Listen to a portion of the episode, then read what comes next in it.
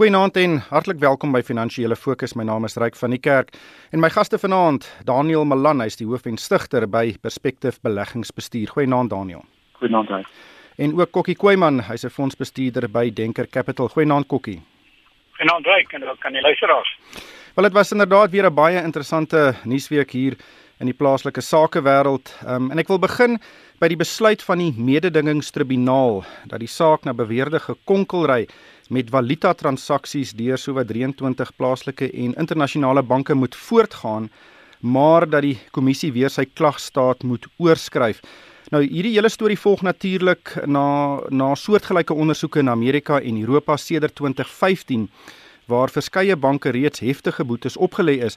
In plaaslik word die saak reeds sedert 2017 ondersoek um, en dit spruit uit verteenwoordigers van die banke wat vir valuta transaksies verantwoordelik is um, en dan ontmoet hulle in elektroniese kletskamers en hulle bespreek moontlike transaksies en dan word die transaksies in die kletskamer basies uh, beklink um, en die pryse waarteen dit plaasvind word nie deur die markkragte bepaal nie en die die pryse word uh, dus uh, beïnvloed. Investec en Standard Bank is plaaslik nogal in die spervuur. Maar die groot nuus skokkie is dat die tribunaal nou uh, die kommissie opdrag gegee het om sy klagstaat te herskryf van die ene wat hulle reeds ingedien het is net nie goed genoeg nie. Dit wys nie watter skade het Suid-Afrika gelei nie. Uh dis nie gefokus genoeg nie. Uh dit beskryf ook nie presies hoe het die samespanning plaasgevind nie en hulle het nou 40 dae om dit te doen. Uh, wat maak jy van hierdie storie? Ja, ag mens kom van die begin af sien dat dit gelyk het of die kommissie net nooit hulle huiswerk reg gedoen het aan die begin nie baie van die klagtes wat hulle gelê het van die feit het net heeltemal verkeerd gehad. Ook selfs in die name van wie vir wie gewerk het. En inderdaad daar is ook nooit enige bewys gelewer van wat wat die eindgebruiker die kliënt eintlik watter verlies hy ly en of die land 'n verlies ly nie. En dis nog steeds onduidelik. Baie van dit het mag gaan aan om bonusse te bepaal en bonusse te vergroot van die individuele ouens en nie noodwendig van daai mark buitelandse valutamark is so groot, is baie moeilik vir individue selfs as hulle saamspan om die mark werklik wesentlik te beïnvloed. So, maar inderdaad, ek dink die onderliggende beginsel is dat die huiswerk was nie aanvanklik goed gedoen nie en en die opdrag is nou baie duidelik en ek dink in hierdie tyd weet hulle ook al meer formuleer dit baie duidelik kom met spesifieke aansprake en en bewys dit. Ek moet dit net wys vir luisteraars. Ek meen natuurlik is die gedrag skandelik en en jy weet dat ouens dit doen en ook die toesighouding hoor op in die banke dat dit nie opgetel het of indien dit opgetel het, dit sal erger wees en niks aan gedoen het nie, maar die impak van die boetes ongelukkig in Suid-Afrika gaan baie klein wees, maar ek dink wel jy weet die bankbestuur het kennis gevat en gedrag verander. Daar is natuurlik 'n duidelike rookwolk wat bo die banke hang. Um Absa het die fluitjie geblaas en gesê daar is verkeerd opgetree. Citibank het reeds skuld erken en 'n 70 miljoen rand boete betaal. Uh so daar is skuld aan die banke se kant. Dit gaan nou net oor die administratiewe proses wat op die oomblik nou nie die die gladste verloop nie. Okay, Greg, ek weet nie of jy al ooit gedoen gehad het met die kompetisiekommissie mense nie. Ek het al en hulle is geweldig aggressief. Hulle is hoogs bekwam. Hulle hulle gryp vinnig na litigasie. So dis baie moeilike mense om mee te werk. Dis nommer 1 en die tweede een is dat ja, as jy kyk na die JSE, dis baie moeilik om te bewys dat daar want dat pryse op 'n sekere manier gemanipuleer is. As jy dink aan hoe baie sake die JSE al oor die jare eintlik mense gevang het nie. Jy weet jy kan omtrent aan geen dink nie. Dit is baie duidelik daar's heeltyd manipulasie van aandele op die beurs. Dis die JSE wat die regulator is, nie hulle eie mark. Mense kan vang nie, kan jy dink hoe moeilik dit is in die in die valuta markte waar dis nie on-screen trading. So dit gebeur alles af van die skerms af. So dit baie ek dink dit is 'n baie baie moeilike saak om so skokkie uitgewys het om om die, al die lyntjies bymekaar te trek vir hulle. Hierdie wolk wat nou oor die banke hang, hoe raak dit hulle op die oomblik? Word dit maar net gesien as nog 'n regsproses of raak dit die integriteit van die banke en en moontlik ook hulle aandelepryse? Tot 'n mate en ek wil nou nie arrogant klink daaroor nie, maar ek dink dit is maar immaterieel in die konteks van die banke se in terme van hulle totale grootte is dit regtig 'n baie baie klein potensiële saak wat op die einde van die dag. En ek dink nie ek dink nie meeste mense gee baie aandag aan aan hierdie tipe van goed nie. As jy dink aan die tipiese kliënt van die groot banke, ek dink dis eintlik maar 'n bietjie van 'n bysaak. Mens kan dit so sien of mens kan dit sien dat dis weer uh kapitaal wat die markte manipuleer om meer geld te maak. Ehm um, dit is 'n narratief wat in Suid-Afrika is uh dat daar twee basies pole is kokkie jy het 'n uh, groot kapitaal aan die een kant en dan het jy uh, armoede aan die ander kant en in hierdie uh, weet stoei teen mekaar. Uh, hoe, ja. hoe sien jy daai argument? Ja, jy is heeltemal reg. Dit is dit is ongelukkig plaas dit weer die aandag op op die die die swakpunte van kapitalisme. Dat kapitalisme en greed, né, net vraasigheid en dat kapitaal sy mag misbruik hier, maar ek dink so Daniel het gesê moet onthou so dit was dit was individue by instellings. As mens net gou dink aan die, die Wells Fargo in Amerika daai skandaal daar was dit sistematies dit was werknemers wat net sistematies deur insentief programme gedwing was om te begin fiktiewe rekeninge oopmaak en dit was dwars deur die bank. Hier is dit enkele individue in van die instansies in baie klein afdelings van die bank. Goed, daai afdelings is baie belangrik en dit en dit het groot volumes gedoen, maar dit is individue. Dit is nie sistematies binne binne die bank nie. Hoopelik kan dit vinnig afgehandel word. Ek dink ons moet 'n uh, uh, hoe gouer dit afgehandel word en ons 'n lyn daaronder kan trek, hoe beter. Kok ek bly sommer by jou. Mike Brown van Nedbank het ook hierdie week 'n streep in die sand getrek. En hy sê hulle gaan miljoene rande spandeer om nuwe mededingers en bestaande mededingers in die plaaslike bankwese aan te vat. Ehm um, dit volg natuurlik uh, nadat verskeie nuwe banke soos Time Bank en Discovery nou ook in Suid-Afrika aan die gang is. Ehm um, Michael Jordan se Bank Zero sal ook binnekort seker kom. En dit verander die hele dinamika in die in die bankbedryf in Suid-Afrika. Ja, ek ek dink ons het net gepraat oor die negatiewe sy van kapitalisme. Dit wys hier die die positiewe sy, jy weet hoe kapitalisme werk. Ek dink kapitalisme werk deur mededinging en en as 'n mededinging is dan is dit uh, ten goede van die verbruiker. So dit wys hoe kompetisie in hierdie geval beter dienslewering of laer pryse aan die verbruikers sal lewer. Nou die fout wat die banke gemaak het jare terug in 2002-3 toe Capitec begin het, het hulle hulle gesien as weet nie van belang nie, hulle stuk klein, dit was ook in 'n marksegment wat hulle nie so baie belang gestel het nie. Hulle het Capitec toegelaat om om te groei tot waar dit nou uiteindelik vir al vir afsou baie seer gemaak het en Standard Bank en ouens verloor kliënte aan hulle maar hierdie keer dink ek het hulle vroegtydig besluit weet reg uh, hier is 'n uh, 'n uh, bedreiging ons gaan koste moet verlaag of dan die die fooie moet verlaag en kom ons tree vroegtydig op beide in terme van kosteverlagings maar ook in terme van spandering geld uitgawes op programmatuur om dienste ver, uh, verbeter. So ek dink die die die jammerte is en ek is goed dat hierdie kleiner spelers na vore tree en kom kompeteer, maar die groot banke het net soveel kapitaal agter hulle dat ek is seker toe Time Bank gekom het met hulle uh inisiatief om om rekeninge binne 5 minute oop te maak, is al die IT afdelings van die uh, tegnologie afdelings van die verskillende banke reeds opdrag gekry voor die einde van die jaar moet ons ook so iets hê.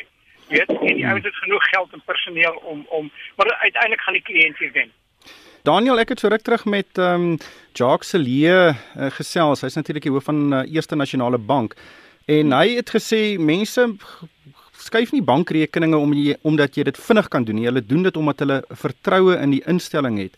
En dit is die groot voordeel wat bestaande banke het. Mense vertrou die banke as instellings. Ehm um, want natuurlik is hulle geld lê daar. Hoe sien jy hierdie hele dinamika en of hierdie nuwe banke vinnig wesenlike ehm um, kliënte gaan bykry? Dis 'n goeie vraag raak en ek dink vir my is dit aan die een kant as jy kyk oor die jare nê, die uh, huisleningsmark is eintlik die sleutel hierso. Dis die een ding wat die banke waar jy as jy 'n kliënt is, is baie moeilik. Daar's altyd weet kostes verbonde daaraan om jou om jou verband te skuif. En ek dink dit is een baie die ouens die baie sterk hou vas op hulle kliënte aan die vertrouenskant my opmerking is miskien net bietjie tong en kies maar dit hang af of jy vir die bank geld skuld en of hulle vir jou geld skuld. maar maar kyk wat ek net wil maak oor die oor die spandering en en kompetisie in die mark. Ek het nou die dag net vinnig deur Absa weer gekyk. Jy weet hulle spandeer meer as 8 miljard rand per jaar op IT. Jy dit om jou idee te gee van die die, die skaal waarom waarom mense so werk. En ek weet hulle het baie ou stelsels en wat ek al Maar dis 'n dis nie miljoene nie, dis biljoene wat hierdie ouens insit in hierdie dinge in. En uh oor die jare het hulle baie groot die inkomste wat die banke in Suid-Afrika maak uit buite rente is baie groot in vergelyking met globale banke. Ek stem saam met Kokkie, ek dink hierdie kompetisie is baie belangrik. Dit gaan harde harde bekleierery wees. Ja. Maar Kokkie, niemand het Capitec 'n kans gegee toe hulle die eerste hulle eerste tak oopgemaak het nie. En kyk waar staan hulle vandag. Hulle is uh, eintlik 'n dominante ja. speler in hulle marksegment. Ja, nee, jy is reg. En en dit is kyk, onthou ons praat van Capitec, maar daar is was baie spelers uh, uh, manne wat wat, wat nou lank in die land is sal onthou, daar was 'n Tutu Kani en daar was jy weet, daar was baie ander spelers daai tyd. Daar Sambo het omgeval het, daar weet so African Bank. Hmm. African Bank hoe goed hy dan redelik gegroei en was redelik sterk en dit is strategiese foute, ander dinge wat miskien daar rog maar die punt is van en ek dink uh ek het dit al 'n paar keer gehoor en ek het eintlik hierdie week juist 'n baie lekker lang gesprek met ou Michael Jordan gehad. Al die nuwe spelers gaan nie oorleef nie. Nou natuurlik Discovery en uh Bank Zero in time val verskillende marksegmente aan. Discovery natuurlik meer gaan kompeteer met Investec en en First National Bank se so of eintlik RMB se privaat kliënte. Time is meer die onderkant van die mark gaan meer Capitec en en, en nou die nuwe African Bank se kliënte eh, teiken en natuurlik Bank Zero gaan meer jou jou kleiner besighede uh, so hy gaan meer met met ses van baie van die anderes kompeteer. Maar uiteindelik die groot uh, uitdaging vir die kleiner banke is jy kan nooit oorleef as jy net een of twee produkte lewer nie. So jy moet uiteindelik ook die kapitaal spandeer en 'n hele reeks produkte lewer sodat jy 'n kliënt, jy weet, kan hou, dit nie net die een by jou gebruik en dan die bank om weer kan wegrokkel omdat hy ander produkte goedkoper kry. Nie. En dit is waar dit gaan interessant raak. So die kleiner ouppies aanvanklik wat hulle doen is goed, maar om werklik kan voortbestaan gaan hulle hulle dienste oor die volgende 5 jaar moet uitbrei na ander produkte. Ja, dit gaan interessant wees om te sien hoe dit uitspeel. Ehm um, maar soos jy vroeër gesê het, ek dink die verbruiker gaan op die ou einde wen en dit is uh die die die positiewe kant van kapitalisme. Uh, Daniel, ons het 'n hele paar interessante aankondigings van ekonomiese aanwysers gesien. Kleinhandelverkope en die produksiesyfers in die vervaardigingssektor was heelwat hoër as verwag. Uh, dit was vir April maand en maar ongelukkig was mynbouproduksie weer laer vir 'n 6de agtereenvolgende maand. Um, het ons laer produksievlakke in die mynbousektor gesien. Uh, is dit goed genoeg uh, as jy na hierdie syfers kyk, dink jy dis goed genoeg sodat ons 'n resessie kan vermy, uh, dat ons kan positiewe groei sien in die tweede kwartaal? Nou reg my kort antwoord is definitief nie. Uh, Daar's geen kans nie. Ek is ons wanneer ons met besigheidsmense reg oor Suid-Afrika praat, is dit baie duidelik al vir amper 'n jaar lank dat dit dinge is baie meer swak as wat enige iemand besef en as wat in die syfers is. So ongelukkig dink ek nie op hierdie stadium met die onsekerheid wat nog bestaan in die politiek en die ekonomiese beleid van Suid-Afrika, dink ek nie daar's enige kans dat ons uh, enige opswaai gaan sien binnekort. Maar wat sal jy graag wil sien moet gebeur? Uh, ons het nou vroeër in die jaar al gepraat oor onsekerheid, onsekerheid oor die verkiesing, onsekerheid oor die nuwe kabinet, onsekerheid oor of Ramaphosa sy greep in die ANC kan versterk. Uh, ons is nou na die verkiesing, ons het nou die gesien hoe lyk die kabinet en dit lyk asof die president 'n greep op sy party kry. Uh, wat nou? Ehm um, waar, waarna soek jy om te sien of hierdie aksies nou gaan saamtrek? en ehm um, meebring dat die ekonomie vinniger groei. Ek ek dink dis 'n stadige proses en ek dink hy ek dink meneer uh, president Ramaphosa speel 'n baie komplekse spel wat baie min mense kan uh, verstaan. Dis ek ondersteun hom en ek dink hy hy het ons almal ondersteuning nodig want hy beklei teen teen 'n klomp verskillende agendas.